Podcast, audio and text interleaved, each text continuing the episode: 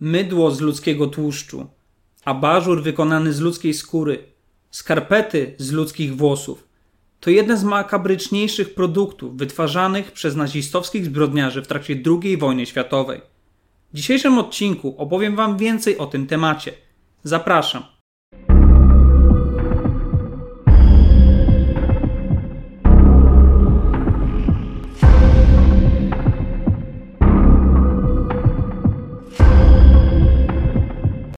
Nazistowscy zbrodniarze zarządzali w sposób nieograniczony ludzkim życiem.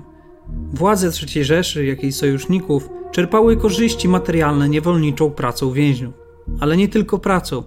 Zniewolonych ograbiano z mienia, odzieży, lecz i także wykorzystywano ich ciała w różnych celach. Rudolf Hoss, komendant w obozie Auschwitz-Birkenau, wykorzystywał także prochy ofiar do użyźniania ogrodu. W lubelskim obozie produkowano nawóz na większą skalę. Uzyskiwano go z mielonych ludzkich kości. Powstały w ten sposób produkt sprzedawano w dużych workach. W sprawie wytwarzania mydła z ludzkiego tłuszczu w 1946 roku w Norymberdze zeznawał Zygmunt Mazur, który był pomocnikiem laborantem w Gdańskim Instytucie Anatomicznym. Mazur mówił: w 1943 roku zbudowano na podwórzu Instytutu budynek, który był przeznaczony na cele wykorzystywania trupów i gotowania kości, jak to oficjalnie oświadczył profesor Szpana. Laboratorium określano jako zakład zestawiania szkieletów, spalania mięsa i zbędnych kości. W 1944 roku profesor Szpana dał mi receptę na wyrób mydła z ludzkiego tłuszczu. Wedle tej recepty należało zmieszać ludzki tłuszcz, wodę oraz sodę. Tę mieszaninę gotowało się, po czym wlewało się gotowe mydło do formy. W czasie tej produkcji, w której uczestniczyłem osobiście, wytworzono ponad 25 kg mydła. Poszło na to około 70 do 80 kg ludzkiego tłuszczu, zebranego z około 400 trupów. Tak samo jak ludzki tłuszcz, profesor Szpana polecił mi zebrać ludzką skórę, która po oczyszczeniu z tłuszczu poddawana była działaniu jakichś substancji chemicznych. Wykończone skóry były pakowane w skrzynie i używane do nieznanych mi celów. W 1945 roku Armia Czerwona wkroczyła do Auschwitz-Birkenau, odkrywając tam setki worków z ludzkimi włosami. Ważyły one łącznie kilka ton. SS-mani nie zdążyli wysłać tego ładunku do Niemiec. Włosy należały do ponad 100 tysięcy ludzi. Były one wykorzystywane do produkcji skarpet dla załóg, ubotów oraz pracownic kolei.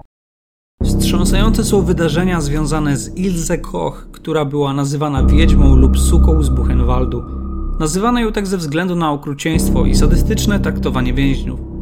Ilse pobrała się z Karlem Kochem, słynącym z okrucieństwa oficerem SS i przyszłym komendantem obozu koncentracyjnego w Buchenwaldzie, do którego zabrał ze sobą żonę, która zgotowała więźniom katusze. W 1944 roku Kochowie zostali oskarżeni o nielegalne wzbogacanie się finansowo przez okradanie więźniów z obozu. Mąż Ilze bronił się tym, że księgowość Buchenwaldu była prowadzona niedokładnie, co sąd odrzucił, zważywszy na ogromny majątek Kochów. Karol Koch został skazany na śmierć, a Ilze miała otrzymać 5 lat więzienia za współudział. Ilze, odgrywając napady histerii, doprowadziła do oczyszczenia jej zarzutów. Aczkolwiek to nie okradanie więźniów było najgorsze. Spotkanie z Ilze oznaczało dla więźniów w najlepszym wypadku pobicie. Czasami wpadała w szał, bo ktoś się z nią nie przywitał lub na nią spojrzał. Ilze zlecała bicie nagiego więźnia, czemu przyglądali się pozostali więźniowie. Jak zeznawali świadkowie, hobby Ilze stało się wykonywanie przedmiotów z materiałów pozyskiwanych z więźniów. Sama wybierała ofiary, przechadzając się po obozie. Szczególnie lubiła mężczyzn z ciekawymi tatuażami na ciele.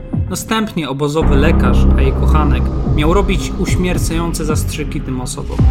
Więźniowie musieli być zabijani tak, by nie została uszkodzona skóra, którą później obdzierano ze zwłok i odpowiednio zabezpieczano. Tak przygotowany materiał miał służyć produkcji różnych mebli oraz akcesoriów. Po wojnie, w 1945 roku, Ilza została aresztowana przez wojsko amerykańskie, a następnie w 1947 roku, jako jedyna kobieta, postawiona przed sądem w procesie znanym jako proces załogi Buchenwaldu. Na ławie oskarżonych, oprócz Ilze Koch, zasiadało jeszcze 29 oskarżonych osób o różne zbrodnie.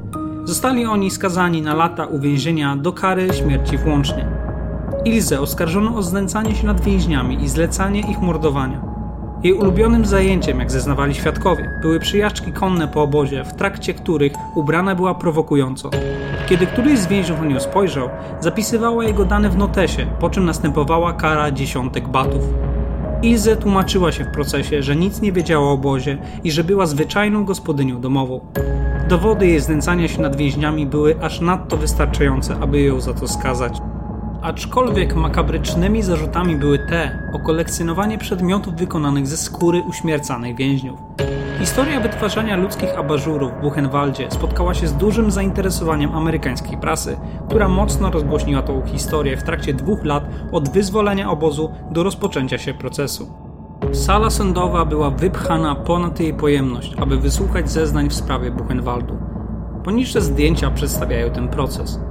Na sali sądowej w Dachau wystawiono trzy kawałki wytatuowanej skóry i skurczoną głowę jako dowód upiornych zbrodni popełnionych przez personel Buchenwaldu. Prokuratura przedstawiła dziesięciu świadków, którzy zeznawali przeciwko Ilze Koch. Jeden ze świadków zeznał, że widział album fotograficzny Ilze Koch, który, jak powiedział, miała ten sam tatuaż na okładce, który widniał na widzianej przez niego zakonserwowanej ludzkiej skórze. Album ten podobno został skonfiskowany przez amerykańskie władze, lecz nie został włączony do procesu jako materiał dowodowy. Ilze, prosząc sąd o litość, komentowała, że rząd wojskowy USA w Niemczech jest w posiadaniu jej albumu ze zdjęciami. Ilze twierdziła, że album zawierał kilka zdjęć jej domu, na których widnieją abażury, które nie są z ludzkiej skóry. Reporter sądowy Joseph Hallow twierdził, że widział abażur, który miał być badany, aczkolwiek nie uwzględniono niczego takiego w protokole medycyny sądowej. W trakcie procesu ustawiono stół wystawowy i nakręcono film dokumentujący okrucieństwo w obozie. Dr Kurt Sitte był więziony w Buchenwaldzie przez 6 lat. W trakcie procesu załogi Buchenwaldu był jednym z głównych świadków przeciwko Ilse Koch. Sitte wspominał o skurczonej głowie, którą wystawiono na sali sądowej. Z kolei niemiecki śledczy Konrad Morgen przyznawał, że w trakcie śledztwa bardzo dokładnie przeszukano posiadłość Kochów, znajdując mnóstwo nielegalnie zgromadzonych przedmiotów, lecz nie znaleziono tych z ludzkiej skóry. Być może zostały one zniszczone, aby uniknąć odpowiedzialności za ich wytwarzanie, gdy klęska Niemiec w II wojnie światowej była już pewna.